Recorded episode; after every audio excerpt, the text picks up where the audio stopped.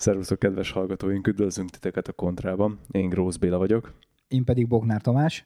És kicsit megint úgy kezdtük most ezt a részt, mintha az első adást vennénk föl. Ilyen második nekifutásra talán jó lesz. Igen, de valahol talán az első adás egy újrakezdés után, egy pihenés után, kreatív szünet. Tomi, hát most egy hónapja nem beszélgettünk egymással. Hát nekem mondjuk ez azért annyira volt kreatív szünet, hogy ebből nekem egy, egy ilyen 11 nap exakt módon kiesett így a koronavírussal együtt. Ugye akik hallgatták a régi adásokat, és nem újonnan becsatlakozó hallgatók, azok azért érezhették a mondani valómon, hogy én nem azt mondtam, hogy nem azt mondanám, hogy vírus szkeptikus voltam, de, de mondjuk lazán kezeltem ezt a kérdést, és hát gyakorlatilag mikor bejelentettük azt, hogy meglátjuk, mit hoz a jövő, és elmegyünk egy kis kreatív szünetre, akkor nekem utána négy nap az instant kiesett, de úgy, hogy arra így nem is emlékszem, és utána egy másik hét nap volt még, amikor így gyakorlatilag csak teát inni tudtam felkelni, meg, meg így nagy nehezen néha zuhanyozni, mert gyakorlatilag ugye elütött ez a koronavírus, és, és hát ugye én is mondtam, hogy persze úgyis mindenkinek át kell esni rajta, fiatal egészséges szervezet, jó, annyira fiatal már nem vagyok, de talán egészséges, mi baj lehet, hát ehhez képest, mintha egy ilyen úthenger ment volna át rajtam, és azóta is tehát hiába épültem fel belőle, tehát így voltunk a gyerekekkel a gajatetői kilátóban, mire fölmásztam a tetejére, kb. mintha így az Everestre mentem volna, föl olyan szinten ki voltam, tehát mondjuk úgy, hogy maradandó nyomokat hagyott azért ez a történet. Körülbelül olyan, mintha így elvesztettem volna így az erőnlétem 80%-át. Mondjuk ez nem túl magas mérce azért nálad. Na jó, de abból is tudsz 80%-ot veszíteni. az mindig, a 80% az mindig 80%. Megelőlegezem azt, amit a műsor végén mondok mindig, hogy vigyázzunk magunkra és egymásra. Tényleg ami a legjobb volt, hogy azon a pénteki napon, amikor így utoljára mentem dolgozni, még hoztam haza magammal egy ilyen karbon elektromos enduro bringát is, hogy majd milyen jókat fogok bringázni így a két ünnep között, meg minden, és gyakorlatilag azóta is csak nézegetem, mert, mert még egyelőre így a bringázásnak a gondolata e sem jutott eszembe, mert egyelőre így az erőlétet kell visszanyerni, meg a tüdőkapacitást. Szerencsére nem csak azért fekvéssel telt ez az utóbbi egy hónapunk, azért ezt is hagyjuk meg. Nem, te rendesen dolgoztál közben. igen, igen, izzadtak a vonalak, pörögtek a klaviatúrán a billentyűk.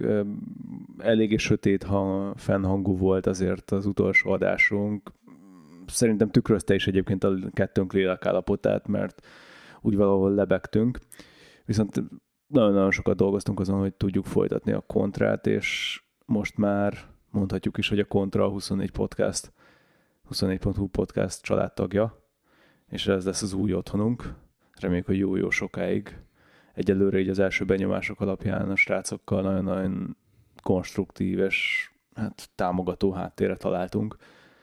Ők szerették volna, hogy mi jöjjünk, mi ennek a fogadtatásnak örültünk, és köszönve pacsisztunk le, úgyhogy most már minden pénteken a 24.hu fogjátok megtalálni a kedvenc podcastotokat, és reméljük, hogy a jövendőbeli kedvenc podcastotokat.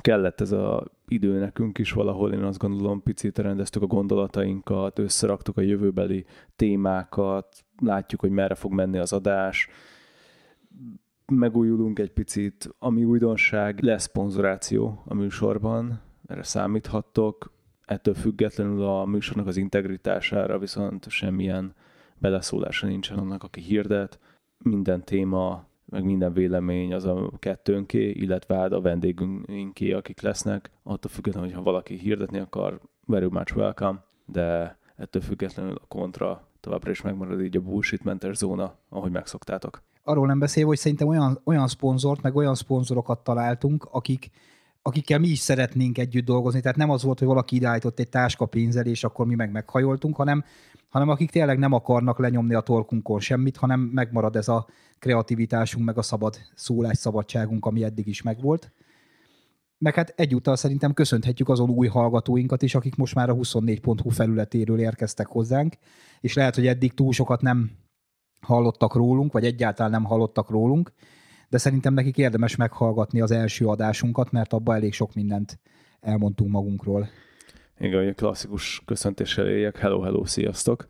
Miért is volt szükség szponzorációra? Őszintén eddig gyakorlatilag tényleg saját magunk kedvtelésért csináltuk, meg nem teljesen igaz, ugyanis a Patreonos támogatóink segítségével, de hát egész egyszerűen annyi időt emészt fel, amiért egyszerűen azt mondod, hogy oké, okay, megéri -e, megéri ennyi időt elvenni a családtól, megéri ennyi időt elvenni az alvástól, a hobbittól, a feleségettől, és hogyha látod, hogy nincs rá fogadtatás a piacon, akkor tök mindegy, hogy mi mennyire tartjuk jónak, a piac eldönt, eldönti, hogy nincsen helyed. Mi ezt most, ezt a mérlegelésre oda dobtuk a kontrát, az jött ki, hogy van helye, hál' Istennek.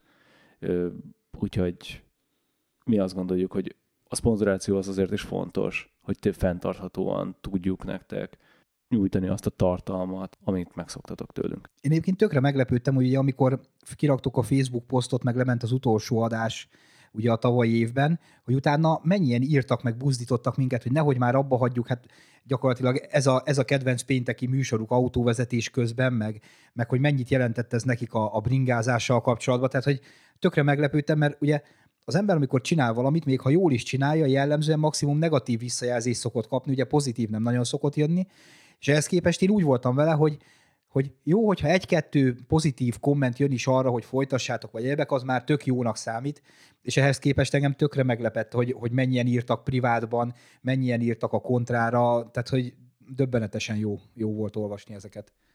Nagyon jó esett, és köszönjük szépen annak is, aki írt, annak is, aki csak akart volna írni, vagy egyáltalán gondolatában volt, vagy letöltötte az utolsó adást. Folytatjuk. Úgyhogy péntekenként nem tudtok levakarni minket 24.hu-n. Hát most már, fú, hozzá kell még szoknom ez az introhoz, hogy a 24.hu podcastjából a kontra, vagy kontra a 24.hu-n. Majd csak belejövök, szerintem olyan tizedikre majd már hibátlanul fog menni. Viszont hát a mai témánknak az apropója, ez már azt mondhatnám, hogy klasszikus, már egyszer csináltuk, úgyhogy ez már hagyománynak nevezhető.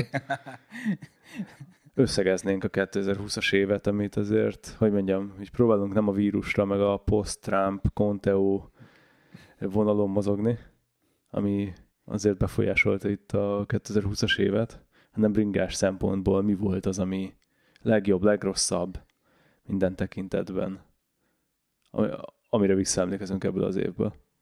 Mondjuk összeszumázva így a 2020-as évet szerintem egy kalapszar volt egyébként, tehát hogy ennyi, ennyi meg nem valósult dolog, ennyi, ennyi el nem utazott, mit tudom én, bemutató, sajtóút, egyebek, az még így az elmúlt húsz évben nem volt, mint idén, de hát most ez dobta a gép, ezzel kell dolgoznunk.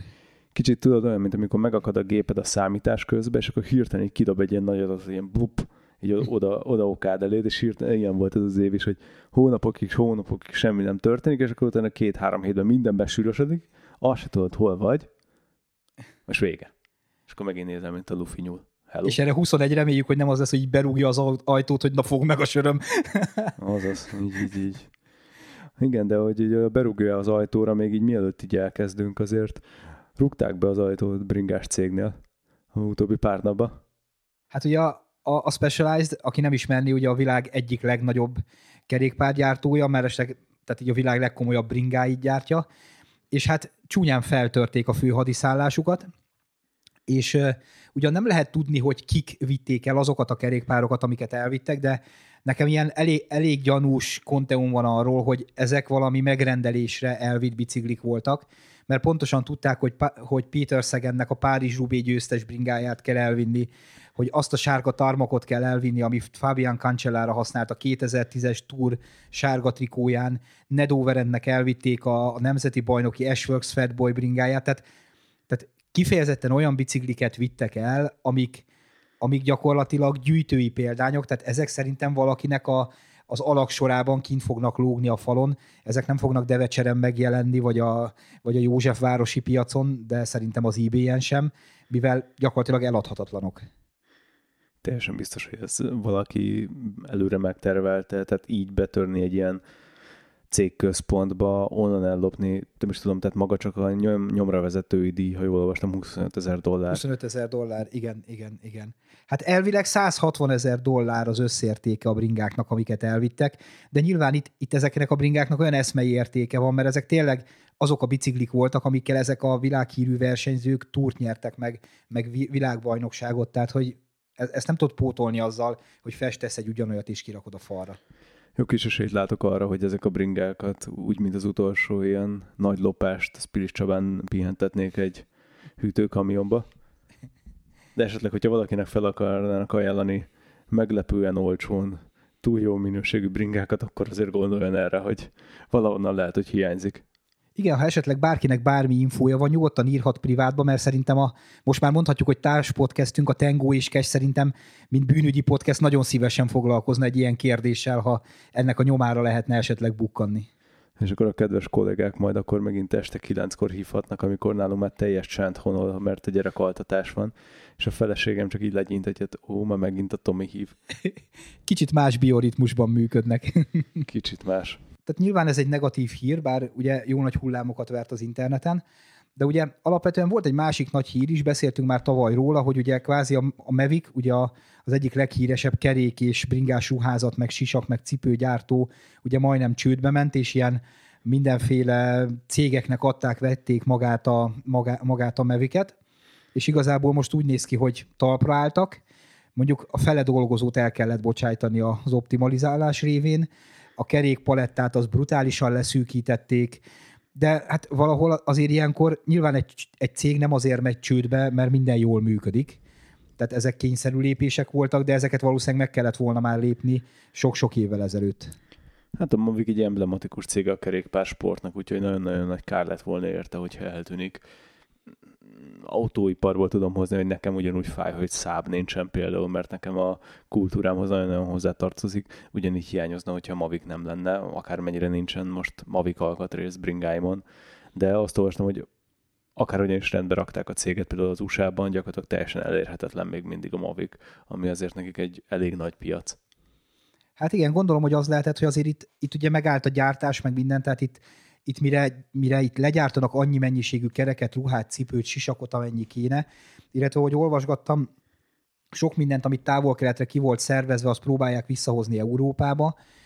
Romániában ugye van egy, van egy nagy ruházati cégük, gondolom itt Kelet-Európában fogják ezeket inkább gyártani, bár például a csúcskarbonkerekek azok Franciaországban maradnak, tehát azokat visszahoztak minden karbontechnológiát, Hát szerintem még, még a 21-es év is szerintem kuka lesz ilyen tekintetben, hogy, hogy a Mavic valahova visszaérjen oda, ahol, ahol eredetileg volt.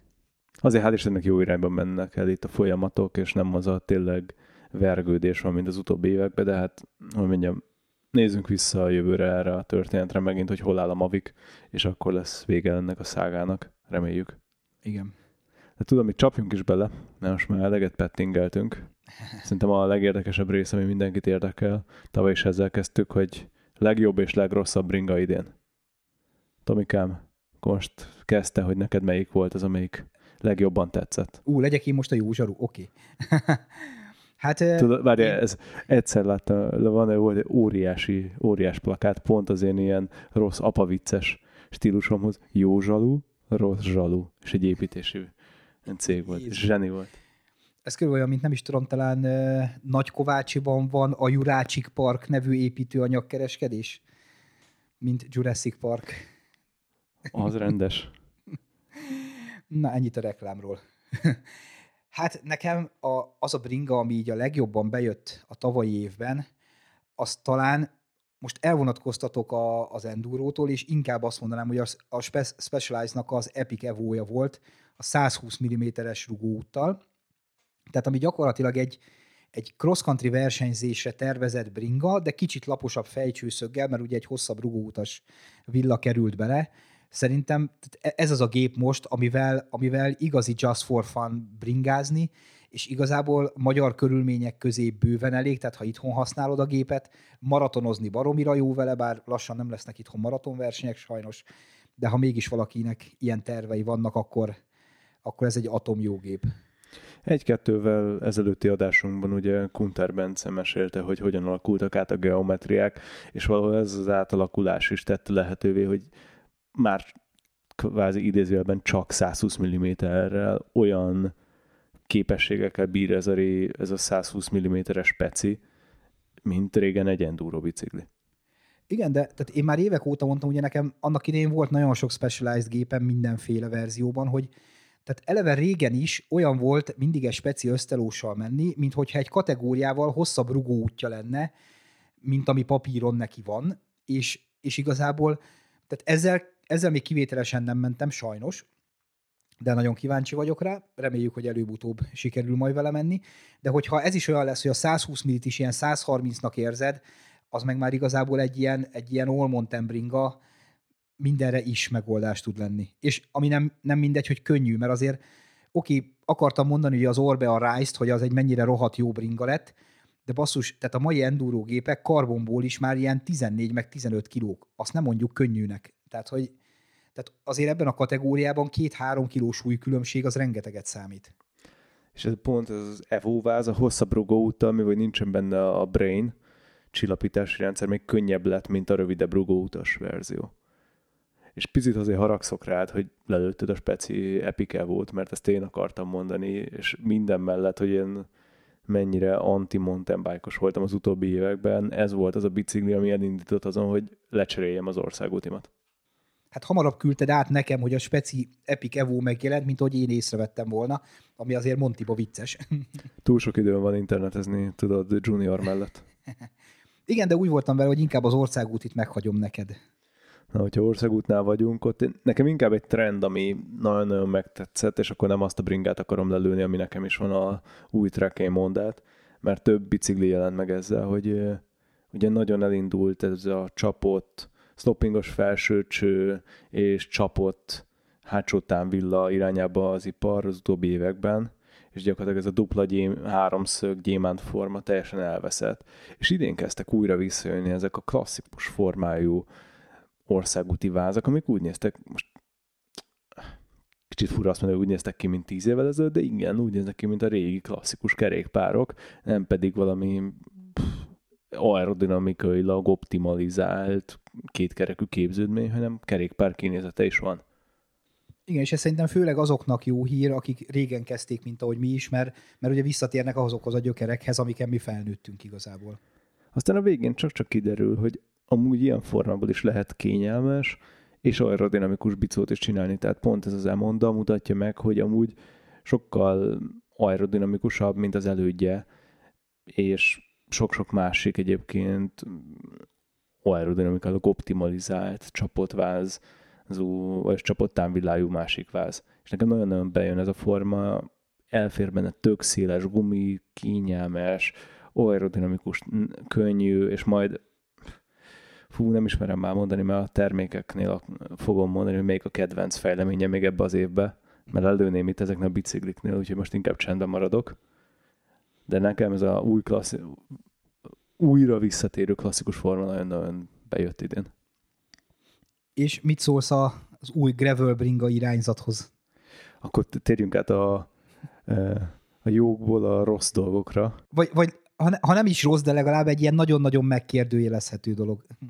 A gravel gyakorlatilag szerintem teljesen elveszítette a talajt maga alól, vagy a murvát, hogy most szar szóvicceknél maradjak, mert pontosan az lett volna a lényeg, hogy egyébként egyszerűsít így a kerékpározási kategóriákon, és most gyakorlatilag újra elkezdjük túl komplikálni, és ilyen merev montikat kitalálni hajlított kormányjal.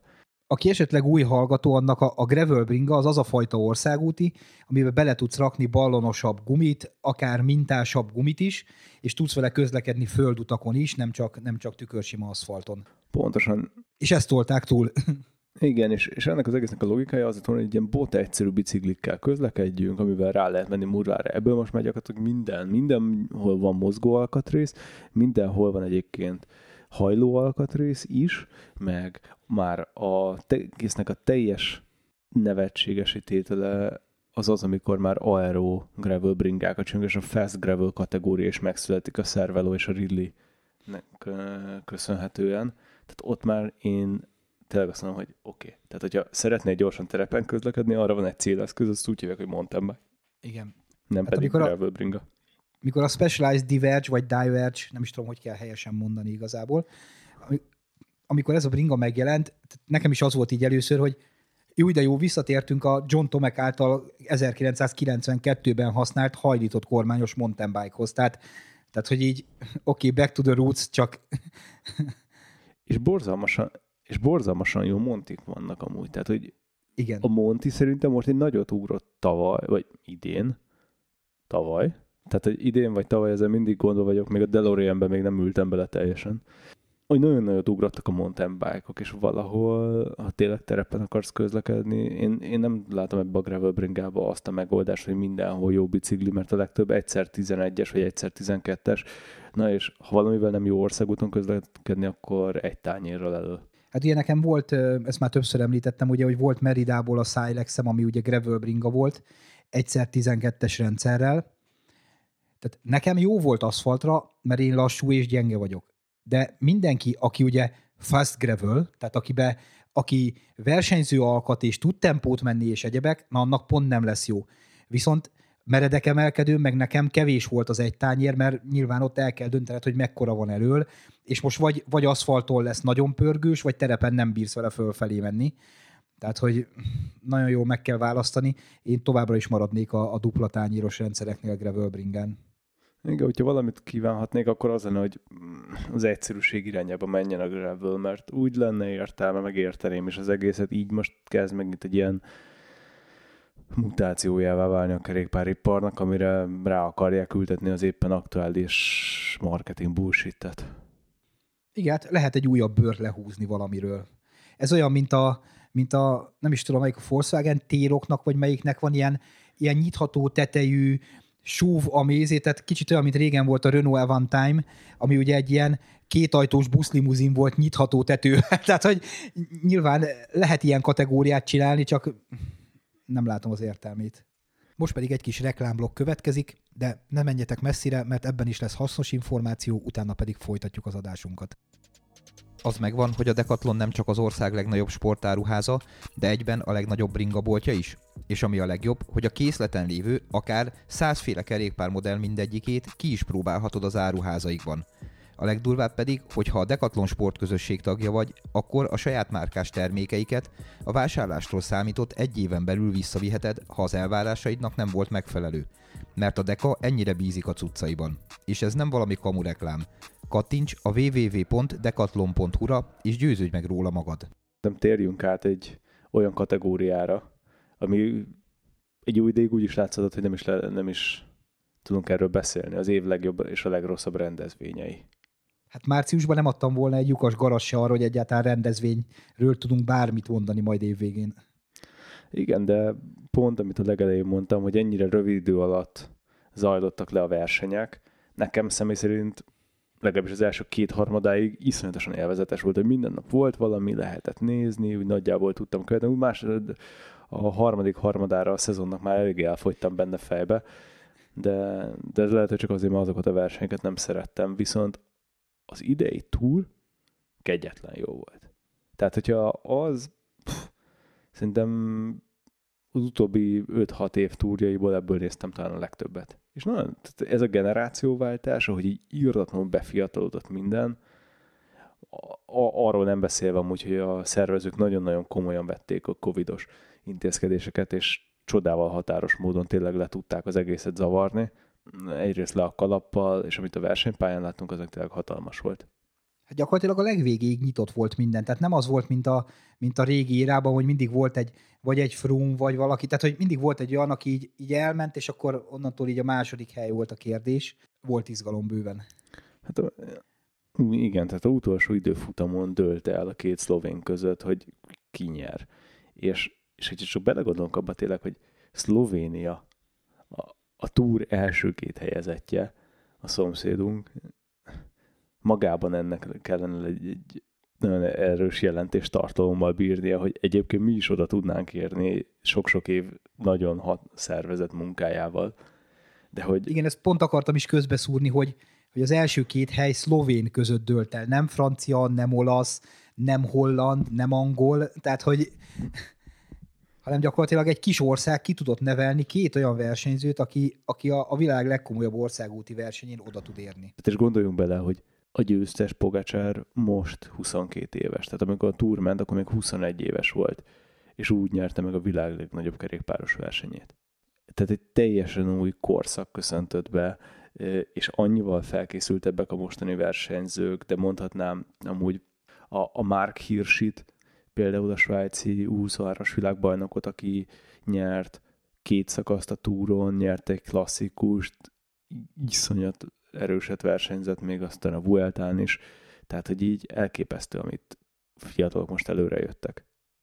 De amúgy meg a másik nagyon-nagyon pozitívum, hogy még egy jó dolgot mondjak, az, az meg tényleg ez a World Tour naptárnak a rövidített verziója volt. Nekem személy szerint nagyon-nagyon tetszett, hogy ennyire össze volt minden sűrítve kettő-három hónapba.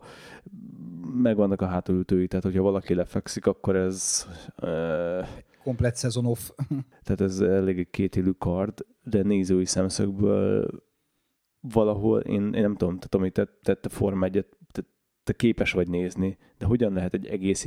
Hogy mit? Forma 1 nincs az az Isten amióta Hamilton van, nincs az az Isten, hogy Forma 1 nézek.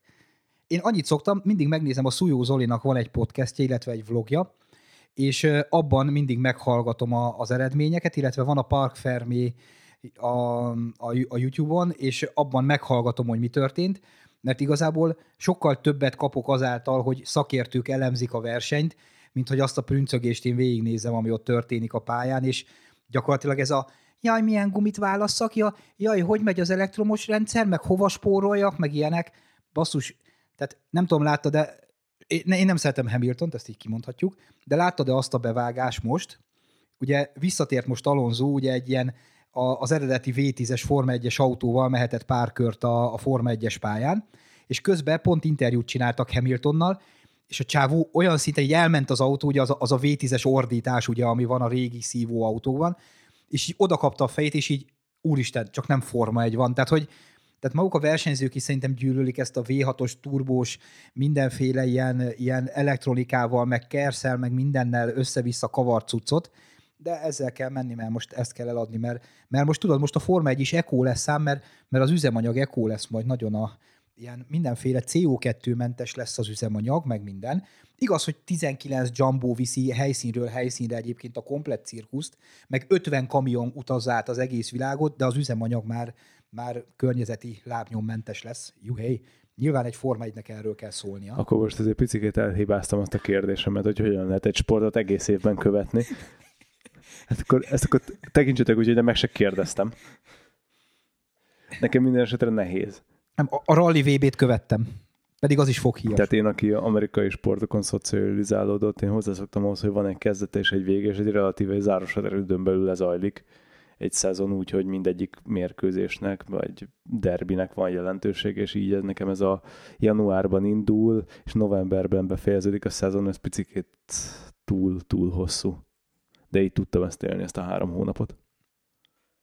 Nekem meg pont az ellenkezője, tehát hogy néha emlékszem, hogy így, így adás előtt, meg felvétel előtt így azt beszéltük, hogy mi is volt most, hú, most ez volt, és mi jön, és tehát, hogy annyira össze volt sűrítve az egész történet, hogy régen tudtad, hogy oké, okay, tavasz, akkor mit tudom én, Giro, Tour, nyáron, utána Vuelta, ősze, stb. Tehát, hogy, hogy így, így rá tudták készülni ezekre. Most meg így kapkodtad a fejet, hogy mikor, hova kapcsoljál, mert tényleg volt olyan, hogy két-három klasszikus verseny ment egyszerre. Tehát jó, de hogy te már átkanyarítottad oda, hogy neked ez annyira nem tetszett, akkor mik voltak a negatív események, rendezvények? Hát, én, ugye aki hallgatta a régebbi adásainkat, az tudja, hogy én például ugye nagy e-bike fan vagyok, meg, meg ugye ennek a gyártásában is dolgozom, főállásban, de hogy, de hogy e-sport VB-t rendezni, tehát hogy tehát nekem ez az egész e-sport olyan, hogy, hogy így nem, tehát hogy oké, tehát legyenek, legyenek görgőző versenyek, meg felőlem lehet szobabiciklis paintball is, meg akármi, csak, csak azért így a szivárvány színű trikónak így legyen már egy, egy jelentése továbbra is. Tehát nem gondolnám, hogy akár elektromos bringa versenyben, akár bármilyen ilyen Zwiftes, görgős e-sport versenyben VB címet kéne osztani, vagy bármi ilyesmit. Nem is értem egyébként, hogy a Világszövetség mire gondolt, hogy kiosztanak frankón szivárvány színű trikókat, ami tényleg a legjobbaknak illetett. És, és a legcinikusabb az volt, hogy nem el, tehát hogy mondjam, nem akarok, de hogy is nem. Azért, azért valahol nevetséges egyébként, hogy egy evező, egy olimpikon evező nyerte meg a, a férfi elitben a világbajnoki címet.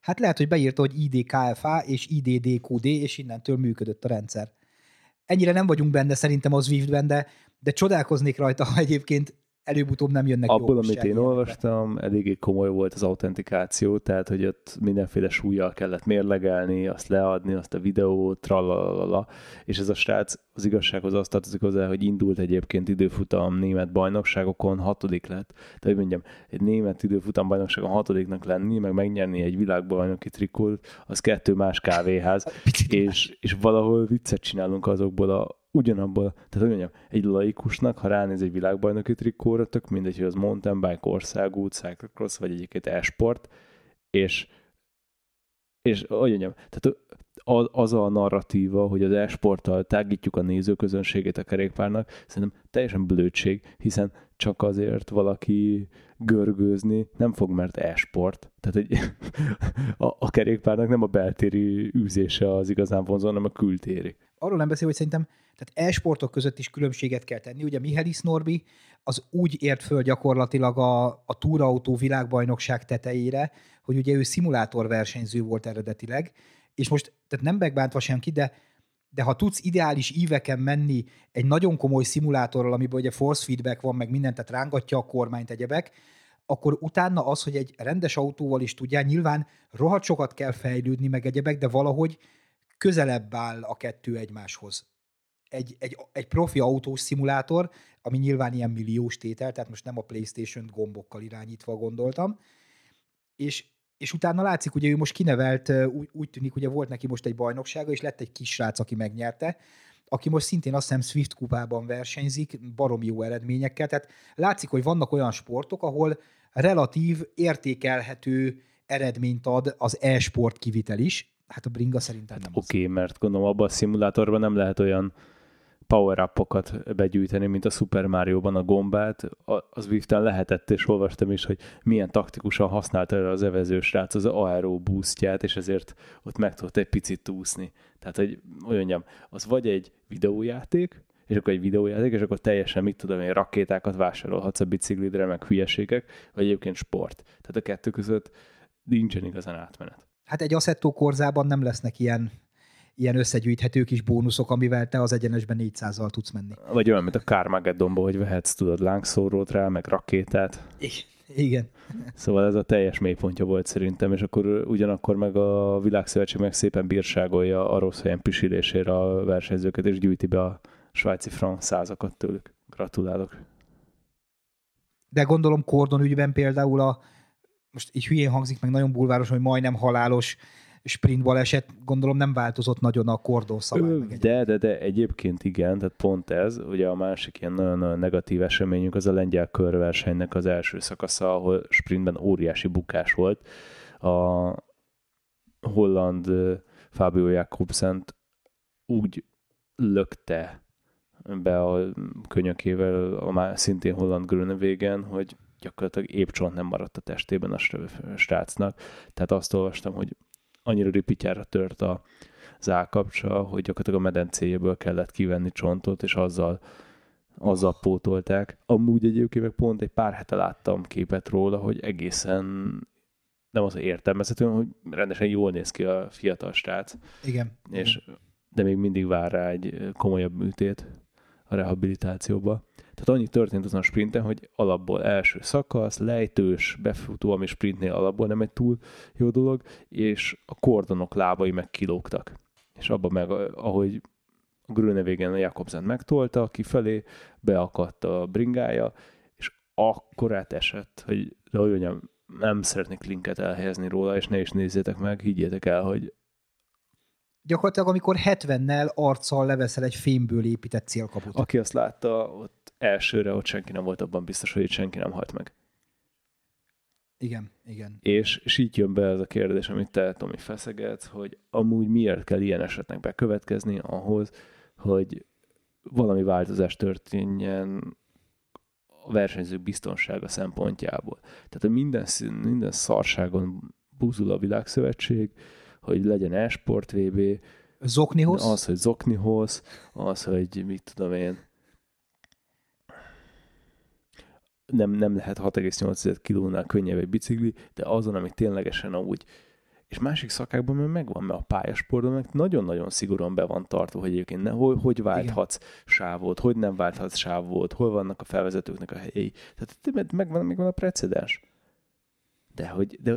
És azért ilyen kordonos történetből voltak már bukások, csak azok nyilván nem történt ilyen végeredmény, ezért kvázi versenybalesetként elkönyvelve és az a bullshit, hogy egyébként mennyire drága, de nem kell lekordonozni mindent. Utolsó 3-400 méter, pont ennyi, és az lehet szépen továbbvinni szakaszról szakaszra.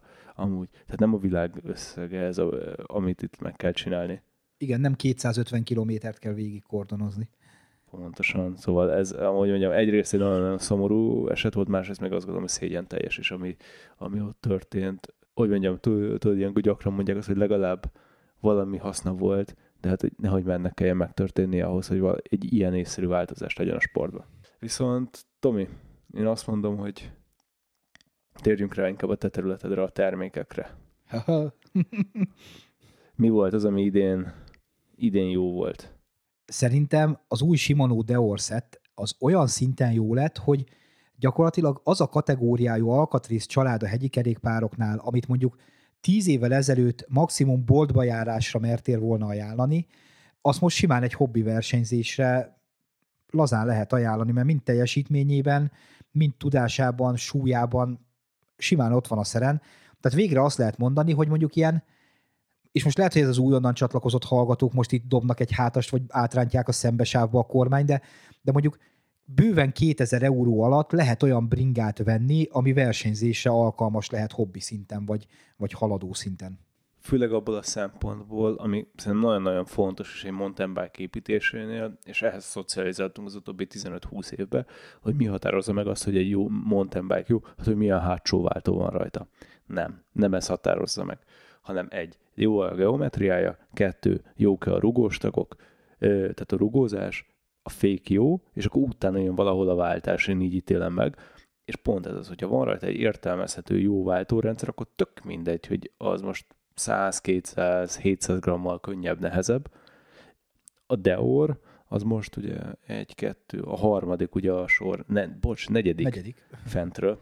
Igen. Negyedik XTR, fentről. XTR, SLX Deor. Így van, és, és teljesen tudja majdnem hozni azt a e, váltási minőséget, mint a felső tesók amiért több pénzed marad egyébként jó rugózásra. Igen, és tényleg az a durva, hogy tehát SLX XT-vel, az új verziókkal, azokkal mentem is, és egyszerűen nem tudnám már megindokolni, azon kívül, hogy nyilván az élversenyzést azt tegyük félre, az egy tök más dolog, meg a szponzorált versenyzők, de hogy például XTR szettet miért vegyél? Tehát maximum azért, hogy ha annyira snob vagy, hogy neked csak a legjobb jó, de igazából tehát az XT meg az SLX az mindent kielégít, ami, amit versenyzésre kell, és gyakorlatilag ugye a Shimano-nak van egy olyan taktikája, hogy általában a felső kategóriában ugye bemutatja az újdonságot, majd elkezdi lefelé csorgatni az alsóbb családok felé, de ezt most olyan szinten meglépték a Deorral, hogy, hogy nem azt mondom, hogy nem tudnám megideologizálni, hogy mondjuk a fölötte levő SLX-et mérved meg, de nagyon el kéne, tehát ha választanom lehetne, inkább egy karbonvázas Montit vennék Deorral, mint egy aluvázas gépet slx -el. Tehát ez így, ezt így bármikor aláírom bárhol. Ráadásul ez az új Deorset jól is néz ki vizuálisan. Tehát Igen. az volt a legnagyobb ellenérve az olcsóbb szettek ellen, hogy egész ezen szarul néztek ki. Igen, igen. De hát én most megmondom neked őszintén, hogy nekem például jobban tetszik, mint az XTR. Az XTR nekem valahogy ez a kifurkált minden, az most kinek tetszik, kinek nem, de neked sokkal mainstream kinézete van. Fia, még az Olivio is brutál jól néz ki most az új, az új szettel. Tehát, hogy tehát eddig szerintem mindig az volt, hogy a Shimano-nál azt a mérnököt, vagy azt a designert tették be büntibe, alsó kategóriát tervezni, aki éppen, aki éppen büntetésbe volt valamiért, és most meg olyan, mintha így azt mondták volna, hogy srácok, szabad a pálya, szeretnénk valami rohadt jót látni. Ami még pozitív fejlemény volt termék területén idén, és ezt már egy picit elkezdtem bespoilerezni a legjobb ringánál, az az, hogy elkezdtek visszajönni a menetes középcsapágyak. Istenem, mennyit kellett erre várni? 6-8 évet? Hát körülbelül azóta ugye a Pressfitnek a különböző borzalmai voltak. Erről beszéltünk is már egy régebbi adásunkban, hogy hányfajta ilyen rendszer van, vagy tizen valamennyi és igazából mindegyiknek megvolt a maga vaja, megmozdultak a csapágyak a vázba, baromi nehéz volt technológiailag megoldani azt a, azt a tűrést, amire szükség volt, és igazából a menetes középrész meg betekered, és úgy jó, ahogy van. Tehát, hogy nem kell ragaszgatni, nem kellenek speciális eszközök a kiütéshez, beütéshez. Tehát én mondjuk, nem tudom, tehát mondjuk egy, egy csúcs karbonváznál, mondjuk, hogyha így negyedszer vagy ötödször lenne kiütve, meg beragasztva a, a csapágy a vázamba, hát már nem lenne olyan bizodalmam. Még a menetesnél nincs ilyen probléma. Meg amikor olyan kellemetlen, hogy veszel egy 6-8 ezer eurós vázat. Leveszed a láncot, és szorul a hajtókar. Így van. Pont ezt akartam mondani, hogy egész egyszerűen szorul a hajtókar, mert hogy valahogy annyira nem tudják olyan pontosan legyártani a vázat, meg a csapágyat, és nem illik össze. És most már egész egyszerűen rájöttek egyébként a gyártók is, hogy 50-60 gram nem számít. Egész egyszerűen nem számít egy szint fölött, mert többet ér az, hogy az embereknek ne kelljen ilyen rossz szájízzel távozniuk a bringájuk mellől, és három hetente leadni szervizbe. Arról nem beszél, hogy megvetted az új aerovázat, ami kettő vattal kevesebb energiát használ fel, és akkor közben meg van egy ilyen középrész benne egy szoruló hajtóművel. Funny. De mielőtt tovább mennénk, hallgassunk meg még egy rövid hirdetést. Lassan hozzászólunk ahhoz, hogy a legtöbb sportrendezvényt csak digitálisan tudjuk követni. A negyedik Decathlon Borsod cross sincsen ez másképp, amit viszont a saját Facebook eseményén keresztül a livestreamben tudsz majd követni. A verseny nem csak azt fogod látni, hogy mi fánterem a Cyclocross, és hogy a versenyzők hogyan tudnak megküzdeni a januári időjárás okozta viszontagságokkal, de a nap végén az is kiderül, hogy kiviheti haza majd a nemzeti bajnoki trikót. Úgyhogy kattanj rá, és kapcsolódj be te is. A sok dicséret után akkor Tomi viszont folytasd te, hogy mi volt a kevésbé jó termék idén. Hát, én igazából így, mivel ugye látom gyártóként is, illetve gyártónál dolgozva is, tehát ugye volt a VTB kerékpár alkatrész, illetve hát főleg gumikat, nyergeket, ilyeneket gyártottak, kerekeket, és tehát a kezdetektől fogva a VTB az ilyen, ilyen hát ha nem is csúcs kategóriába tartozott, de abszolút felsőház volt. Gumikba meg szerintem simán benne volt a csúcs kategóriába, és ez ma is így van, mindaddig, amíg nem kerülsz bele az OEM kategóriába, tehát azokba az alkatrészekbe, amiket így nem a boltba veszel dobozba, hanem amiket így a bringára felszerelnek, mint ilyen low budget alsó kategóriás, például külső gumik. Tehát a VTB most a, a, a nagy kerékpárgyártók számára kínált olcsó gumikban olyan, olyan minőséget képvisel, hogy tényleg, és most nem negatívan mondva, de ahhoz képest egy, egy Rubena, illetve most már Mitas, az így egy, az így egy felső kategória, egy high-end top-top. Tehát, hogy annyi bajunk volt vele, hogy, hogy elmondani nem lehet, és egyszerűen, tehát folyt a könnyem, hogy basszus egy VTB márka, ami tényleg a világ legjobbja, nyilván pénzt kell keresni, OEM-en lehet a legtöbb pénzt keresni, amikor százezer számra adod el a gumikat, és nem abból a felső kategóriás VTB gumiból, amiből mondjuk akár tízezret is eladhatsz egy évben. De szerintem tehát kellene, hogy legyen valahol egy olyan minőségi szint, amit egy gyártó nem mer elengedni lefelé. Tehát, hogy nem tudom, hogy emlékszel rá, de ugye Ricsi alkatrészekben is volt egy ilyen nagyon nagy mélyrepülés, amikor Tom Ricci kiadta távol-keleti gyártó licenszre gyakorlatilag a cuccot, és utána egy bazi nagy hátraarcot kellett venni, mert, mert olyan szinten megszenvedte a piac, meg a, tehát a piac az beáraszta utána a Ricsi alkatrészeket, miközben mondjuk a VCS kategória rohadt jó volt, de hát sajnos a komp meg nem mert azokat meg szórták ki 10 centér, és most a VTB ugyanezt csinálja gumiszinten, meg alkatrész szinten, meg nyerek szinten, és, és tényleg itt most válasszuk külön, tehát nem a felső kategóriáról beszélek, tehát nem a boltban 10 ezerért megvehető nyeregről, meg 8-10 ezerért megvehető gumiról, hanem amivel a, amit tudom én, alsó kategóriás bringáidat meg tudod venni, és azokkal van szerelve. És hát emellett volt ugye egy másik nagy közös kedvencünk szerintem az új Bubi kerékpár. Van már, van már új Bubi? Van, van, bemutatták, sőt, ugye már ilyen adatokat is közöltek róla. Hát gyakorlatilag a, a, a 70 tonnáról 69 tonnára csökkent a súlya, és továbbra sem lesz elektromos, tehát hogy tehát úgy gondolom, hogy amikor ilyen súlyban van, most a viccet félretéve azt hiszem, hogy 27 kilóról 25-re fog csökkenni a súlya, egy hagyományos kerékpárnak, tehát ugye ezek nem elektromos bringák, nincs bennük semmilyen rásegítés, ez gyakorlatilag tényleg arra jó, hogy a Lánchídról bedobd a Dunába, mert ha ezzel fel akarsz tekerni csak a budai várba, tehát ha nem te vagy a Lance Armstrong, akkor, akkor így, izé, így most mondhatom, de nem akarok ilyeneket mondani, de nehéz dolgot lesz. Jó, igen, így már megvan a sztoria, igen, erről beszéltünk, hogy ugye megjött a határozat, hogy milyen, mik lesznek a specifikációi a bringáknak, és talán valami olyan volt benne, hogy 19 kiló alatt, vagy 21 kiló alatt nem kapsz pluszpontot a pályázatban.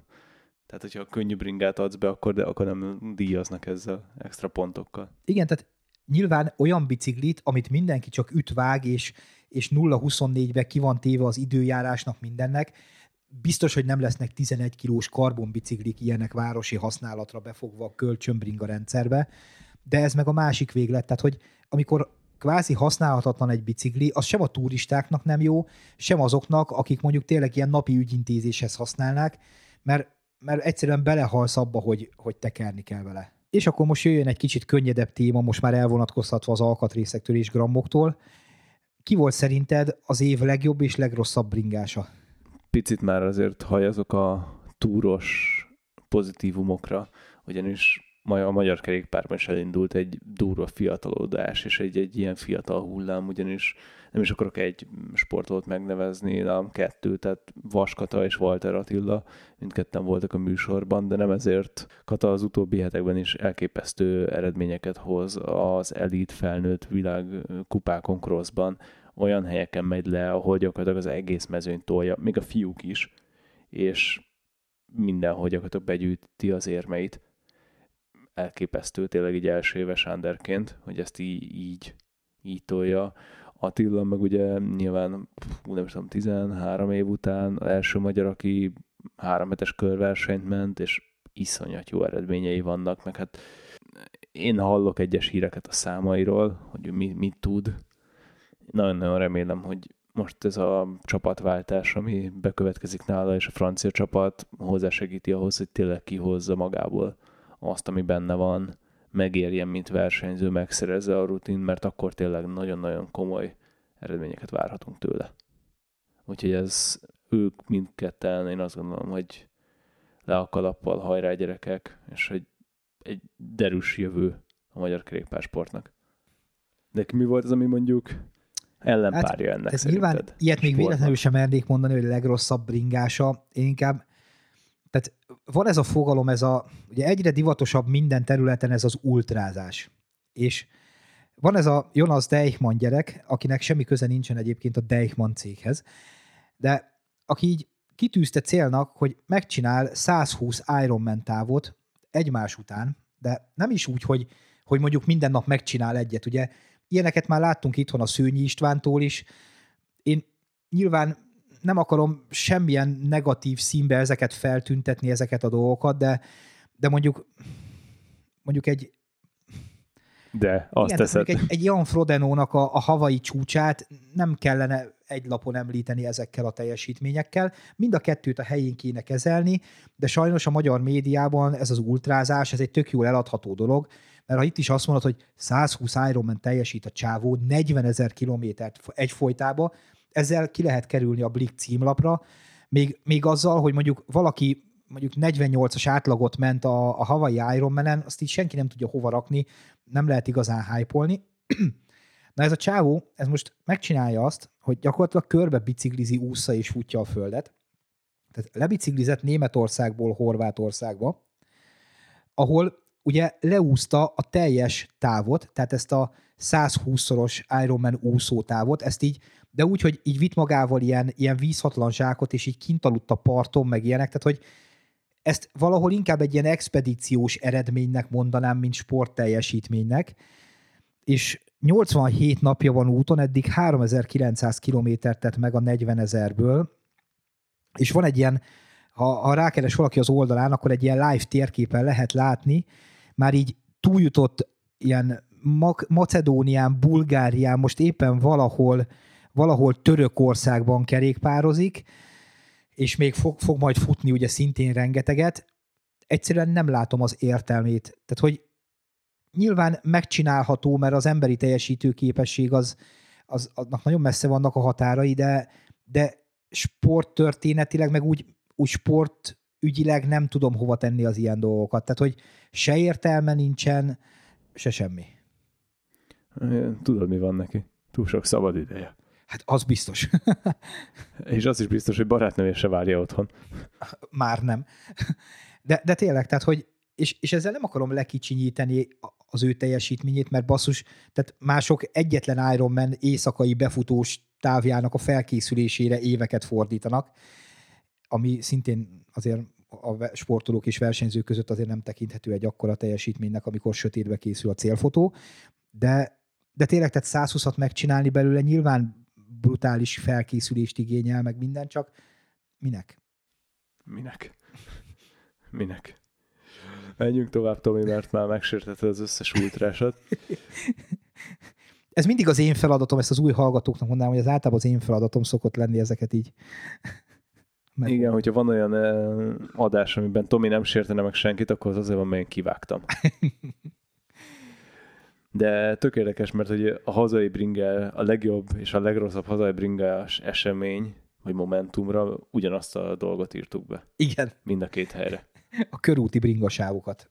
Volt egy, nem is tudom melyik adásunk, az kellően megosztóra is sikerült a bringasávokról a Magyar Kerékpáros Klubban.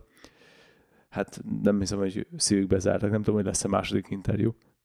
Szerintem, le, tehát én mindig azt mondom, hogy az ilyen konstruktív vitáknak akkor is van értelme, ha a végén nincsen konszenzus, mint ahogy itt sem volt több kérdésben, de, de ettől függetlenül szerintem nem árt, hogyha más is hallathatja a hangját, és pont ezért hívtuk meg ugye a kerékpáros klubnak is a, az elnökét, hogy, hogy gyakorlatilag vitassuk meg ezt a témát. Nyilván mi is másképp látjuk, mondjuk úgy, hogy sportoló vagy ex-sportoló bringásként, meg máshogy látja az, aki napi munkába való közlekedésre használja, de amennyire jó volt a körúti bringasávnak a, az ötlete, meg tényleg az, hogy, hogy legyenek a városon belül mondjuk úgy, hogy ilyen bringás szuperstrádák, hát a kivitelezése az már olyan magyaros lett. Pontosan, tehát egyrészt egy tök jó kezdeményezés volt, és elindított valamit, ugyanakkor valahogy ez a túl erősen, nem túl végig gondoltan oda cseszték ezeket a sávokat, felfestették, aztán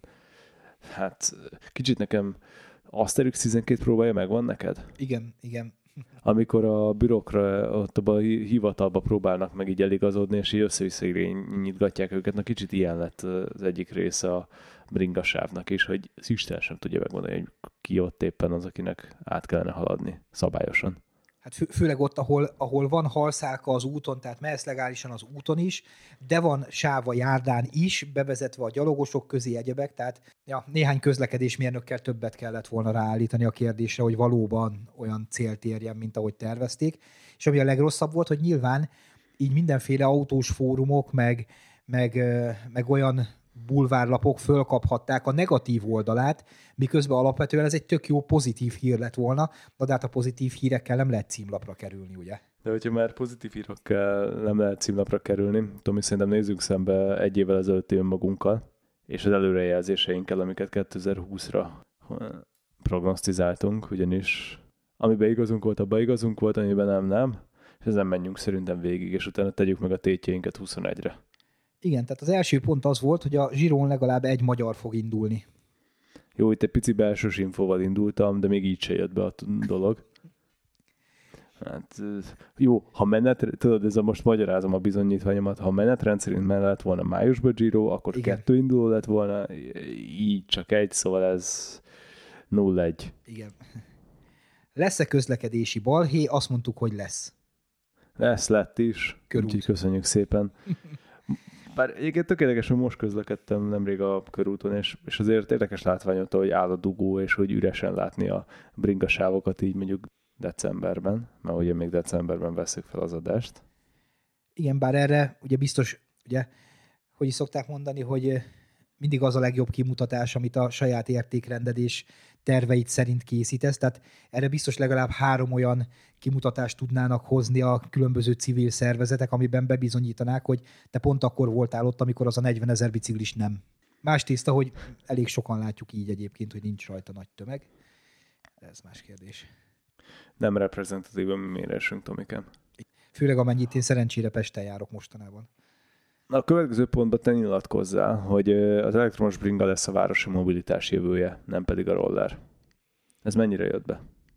Hát szerintem, tehát most ha eltekintünk attól, hogy most ugye indult egy elektromos bringa vásárlási támogatási rendszer ugye a kormány részéről, szerintem még mindig több elektromos rollert látni a városban, mint elektromos kerékpárt. Akkor itt akkor végül is egy, egy-kettő, tehát vesztés rálunk. Igen. Ez se jött be, mi? Igen, igen, igen. De reméljük, hogy a jövőben ez javulni fog. Milyen jó, hogy az elején a műsornak mondtuk, hogy mi mennyire szakértő és Ja, ja. hiteles anyagot fogunk csinálni. Jó, de varázsgömmünk azért nekünk sincsen. Ez az év meg azért egy különösen vicces év volt. Hogyha a DeLorean-nél maradunk, akkor pont azért éri meg beülni, hogy meglegyen a sport almanachot, hogy tudjál tutira fogadni. Igen. Következő pont Mondjad. volt, hogy bringa áremelkedés a környezetvédelem miatt. Hát erre is azért nagyon komoly összeget tettem volna fel, hogy ez így jön be. De végül is áremelkedés lett, csak nem környezetvédelem miatt. Hát gyakorlatilag azért lett ugye áremelkedés, mert a Covid miatt ugye divat lett a kerékpározás. Hát vagy divat, vagy valakinek ugye kényszerűség, mert nem akar tömegközlekedéssel a többi emberrel összeszorulva vergődni napi szinten. Ezért gyakorlatilag ki vannak fosztva a bicikliboltok, egy évre előre tudsz előjegyezni biciklit magadnak, akinek márciusban fog eszébe jutni majd, hogy szeretne kerékpárt venni, az lehet, hogy abban az évben már olyan modellt nem fog tudni, vagy olyan színben, vagy egyebek, vagy egyáltalán. És hát ugye mit hoz magával az, amikor nagyobb a kereslet, mint a kínálat, hogy vannak olyan gyártók, akik megemelik az áraikat, illetve a beszállítók nem hülyék, a beszállítók szépen árat emeltek, de tényleg volt úgy, most nyilván itt apró tételnél beszélünk, ahol 40%-os áremelkedés volt, de hát sok apró spacer is kell sok tízezer biciklihez, és az már sok-sok tíz meg százezer eurót jelent a végén. Úgyhogy bizony a bringák árai megemelkedtek, illetve meg is fognak. Vannak gyártók, akik próbálnak trükközni, hogy csak egy picit emelnek, és akkor majd most több éven keresztül. Van, aki már emelt, és most nem lesz annyira feltűnő az emelés, de, de ez bejött ez a része, hogy megemelkednek a bringa árak. Két gondolat, egy, egy metafizikai, hogy az áremelkedés abban az esetben, hogyha igazából nem áremelkedés, hanem csak kedvezmény elhagyása, akkor az valóban áremelkedése. Mert ez történt idén ugyanis, hogy nem, nem adtak a kereskedők egész egyszerűen kedvezményt a bringa árából, mert hogy így is úgy is el tudták adni. Igen, ez a kedvenc kérdésem volt, hogy jöttek ismerősök, ugye nagyon sok mindenkinek segítek így bringát venni, már olyan tekintetben, hogy, hogy kinél van esetleg, stb. ugye itt a, itt a kapcsolatokon keresztül, és ugye mindig az volt, hogy figyelj, tudsz nekem valami, valami nagyon jó árat erre meg arra, és akkor igazából szeptember óta már azt mondom, hogy tehát a kérdés az, hogy van vagy nincs, ha van, akkor gyakorlatilag a kell vagy nem. Tehát, hogy tényleg még régen, ilyen szeptember-október környékén lehetett vadászni, ha pont olyan elfekvő bringa kellett, ami megmaradt egy boltosnak, simán tudtál 20%-ot, 30-at alkudni az árból, most ez esélytelen. Igen, a másik gondolatom pedig az, hogyha a következő adásunkat meghallgatjátok, akkor erről a témáról, hogy mennyire lesznek elérhetők a bringák 2021-ben, erről elég részletesen fogunk majd beszélni. De hogyha már 2024-nél tartunk, akkor térjünk is rá így a műsorzárásaképpen arra, hogy mit prognosztizálunk előttünk álló évre. Reméljük, hogy egy kicsit szokványosabb év lesz. Szóval szerinted lesz a Tour de France-on magyar induló? Igen, igen, én nagyon-nagyon remélem, hogy, hogy lesz. Hát, ha tutira, én Walter Attit eléggé tutira mondom itt, úgyhogy semmit nem tudok. Ez csak ilyen wishful thinking, de az egy eléggé nagy dolog lenne már csak sportdiplomáciailag is, hogy van egy magyar indulónk. Következő, egyik nagy bringás céget meg fogja vásárolni egy befektetői csoport. Ugye ez most kicsit ilyen, ilyen félig nyert lóra fogadni, vagy, vagy mikor megsúgják, hogy melyik ló fog nyerni, mert ugye pont napokban volt hír, hogy a, a Kenyonba csúnyán bevásárolták magukat, de vajon lesznek-e ezen felül, mert ugye ez még 2020-as hír, 21-ben lesznek-e ilyenek? Specialized Track, Scott, Giant, akárki? Igen, ezt a prognózist én még akkor írtam, amikor nem tudtunk a kanyonról, hogy megvásárolják, de most egy érdekes téma, tehát így nézve ez elintézte magát, de mondjuk egy érdekes témát dobsz fel, ugyanis magában a kerékpáriparban az árések azért sokkal-sokkal magasabbak, mint mondjuk egy IT-ben, vagy egy autókereskedelemben, vagy bármiben. Tehát, hogy igazából egy attraktív termékek, mondjuk egy nagy márka arra, hogy valaki megvegye egy nagy befektetői csoport, úgyhogy te, te mit mondasz? Én erre most már nem merek mit mondani. Hát egyébként az árés kérdés, ez egy nagyon jó dolog. Pont a, a GCN fórumon rakta föl valaki a szokásos mémet, hogy mit tudom én, valamelyik Specialized csúcsmodell 16 ezer euró, és valamelyik KTM Túra Enduro meg szintén 16 ezer euró, és hogy hát ugyanannyiba kerül egy motor, mint egy bringa, és akkor valaki oda kommentelte, hogy uh-huh, de a kettő között melyiknek nagyobb az árrése? És igazából a bringáé nagyobb, mint, a, mint ami a motoron van. Tehát nyilván a befektetői csoportok azok mit néznek, hol tudsz baromi nagyot növekedni, és hol tudsz ezzel reálisan a legtöbb pénzt keresni. És most ez nagyon úgy néz ki, hogy a következő években a bringaipar lesz. Pontosan, Tehát, úgyhogy igazából nem kizárt. Tehát ha most azt kellene mondani, akkor igen, meg fog, lesz még cég, amelyik tulajdonos cserél. És arról nem beszél, hogy tehát egy, egy kenyont megvásárolni, vagy egy kenyonba bevásárolni magad a legnagyobb százalékkal, azért az egy teljesen más foci, mint egy Volkswagenben mondjuk. Tehát, hogy tehát nyilván mi, mint bringások, úgy tekintünk ezekre a cégekre, mint úristen mekkorák, de igazából globálisan nézve ez befektetői cégeknek azért ilyen, ha nem is apró pénzek, de...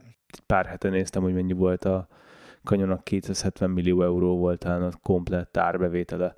Ahhoz képest érted egy Volkswagen, az hány nullával több? Hát egy Volkswagen gyakorlatilag csak most az elektromos részleg fejlesztéseire költ el valami 20 milliárd eurót. Tehát, hogy tehát nem, nem cégérték meg egyebek, hanem ilyen fejlesztési részlegen ennyi lesz a limit. Tehát, hogy teljesen, teljesen más nagyságrend. Hát igen, azon gondolkoztam, hogy talán mennyi a Volkswagennek a gyártása, ami két-három millió autó per év. Hát valami olyasmi, igen. És hogy, és hogy csak elkezded azokat az autókat egy évben így egymás mögé, egymás után állítani, és hogy ez hány kilométernyi autó. Igen. Így overallba. Tehát, hogy nagyon-nagyon más foci, de benne van a pakliba, hogy még lesz csere mondjuk ha a konténerhajók ilyen mennyiségbe fogják elhagyni a konténereket az óceánon, mint most a legutóbbi, amiről 1500 hullott a tengerbe, akkor még az is lehet, hogy felpörgethet, vagy csődbe vihet egy-egy iparágat így kompletten. Azért Magyarországon láttunk már ilyet, hogy azelőtt szűnt meg egy kerékpárforgalmazó, mielőtt megnyitott volna, mert a, a konténereit lefújt a, a vihar a tengeren a hajóról, és hát biztosítást meg nem kötött rá, mert ugye az emelte volna az árat. Na akkor te már is a következő előrejelzésünkre így a szót, méghozzá, hogy 2021-ben durva készlet hiányos áremelkedés lesz minden a bringás alkatrésznél. Hát ennyire biztosan nem mernék semmi másra fogadni, mint erre, hogy igen, ez így lesz. Tehát durva hiány lesz, áremelkedés lesz, és gyakorlatilag, tehát aki most azon gondolkozik, hogy bringát venne, vagy, vagy valami komolyabb kiegészítőt venne, most csak itt gondoljunk egy Fox villára, gyakorlatilag a Fox jelenleg mondjuk úgy, hogy nem ad el aftermarketre villát, mert nem tudja az OEM gyártókat kiszolgálni. Tehát, hogy tehát most te ki akarod cserélni a villádat Foxra, ha nincs még valami elfekvő készlet a, a nagykerben, akkor így szerintem így jövőre felejtsd is el. Mondom, következő részt tessék meghallgatni, erről fogunk részletesen beszélgetni, úgyhogy ezt itt, akkor lépjünk is tovább az utolsó pontunkig. Hát nekem van azért egy ilyen tippem, hogy bár elhagyta mondjuk a Róze tavaly a magyar piacot, de lesz másik külföldi Meg most az angolt. cég. Most az angolt is már elhagyta, igen, tehát kisebb piacokat így elhagy a Róze, de lesz olyan külföldi online értékesítő cég, amelyik újra be fog vonulni a magyar piacra, szerintem. Pont ebből a dinamikákból ítélve, hogy egész egyszerűen befektetők, piacrészt kell szerezni, kislabda is pattogni fog, úgyhogy mm, szerintem meg fognak jelenni, ami megint meg fogja persdíteni a magyarországi kereskedelmet. Igen, és ugye a B2C Am- alatt azt értjük, amikor a kerékpárgyártó közvetlenül a végfelhasználónak ad el, tehát nincsen országos forgalmazó, nincs nagyker, kisker, egyebek, van egy weboldal, megrendeled a bringát, és megérkezik házhoz. Pontosan. Úgyhogy végére is értünk ennek az adásunknak. Egy laza 52 hét múlva majd újra elszámolunk ezekkel a prognózisainkkal. Akkor majd látjuk, hogy ebből a négyből mennyi jött be. Hát megmondom, őszintén nem azért nem voltunk olyan túl fényesek így az előző előrejelzésünkbe. De hát e- első próba volt. És hát reméljük, hogy az új hallgatóink sem vágták fel az ereiket, akik esetleg most kapcsolódtak be ebbe a bringás témakörbe. Azt elmondhatjuk, hogy nem lesz mindig ennyire szakmai az adás, tehát vannak könnyedebb témáink, vannak kicsit azoknak szóló témáink, akik mélyebben benne vannak, de szerintem érdemes mindegyiket meghallgatni, mert mindenből lehet valamit tanulni. Ha meg, nyilván, ha meg felmerül bármilyen kérdésetek, írjatok nekünk a poszt alá, akárhová kommentben figyeljük, válaszolunk. Így van, és nagyon-nagyon szépen köszönjük, hogy meghallgattatok minket. Ha tetszett, akkor megnyomjatok egy lájkot vagy egy értékelést. Osztatok meg a barátaitokkal. Patreonon is megtaláltok minket, ahogy Tomi mondta, tudtok Facebookon üzenni nekünk, vagy e-mailben a kontrapodcastkokat gmail.com címünkön. És hát nem maradt más, mint hogy elbúcsúzunk, és jövő héten újra találkozunk. Úgyhogy jó bringázást, vigyázzatok magatokra, és nem utolsó sorban január 1 véget, így a adás legvégén boldog új évet. Igen, Sziasztok. igazából ezzel kellett volna kezdeni, úgyhogy boldog új évet, sziasztok! Kontra.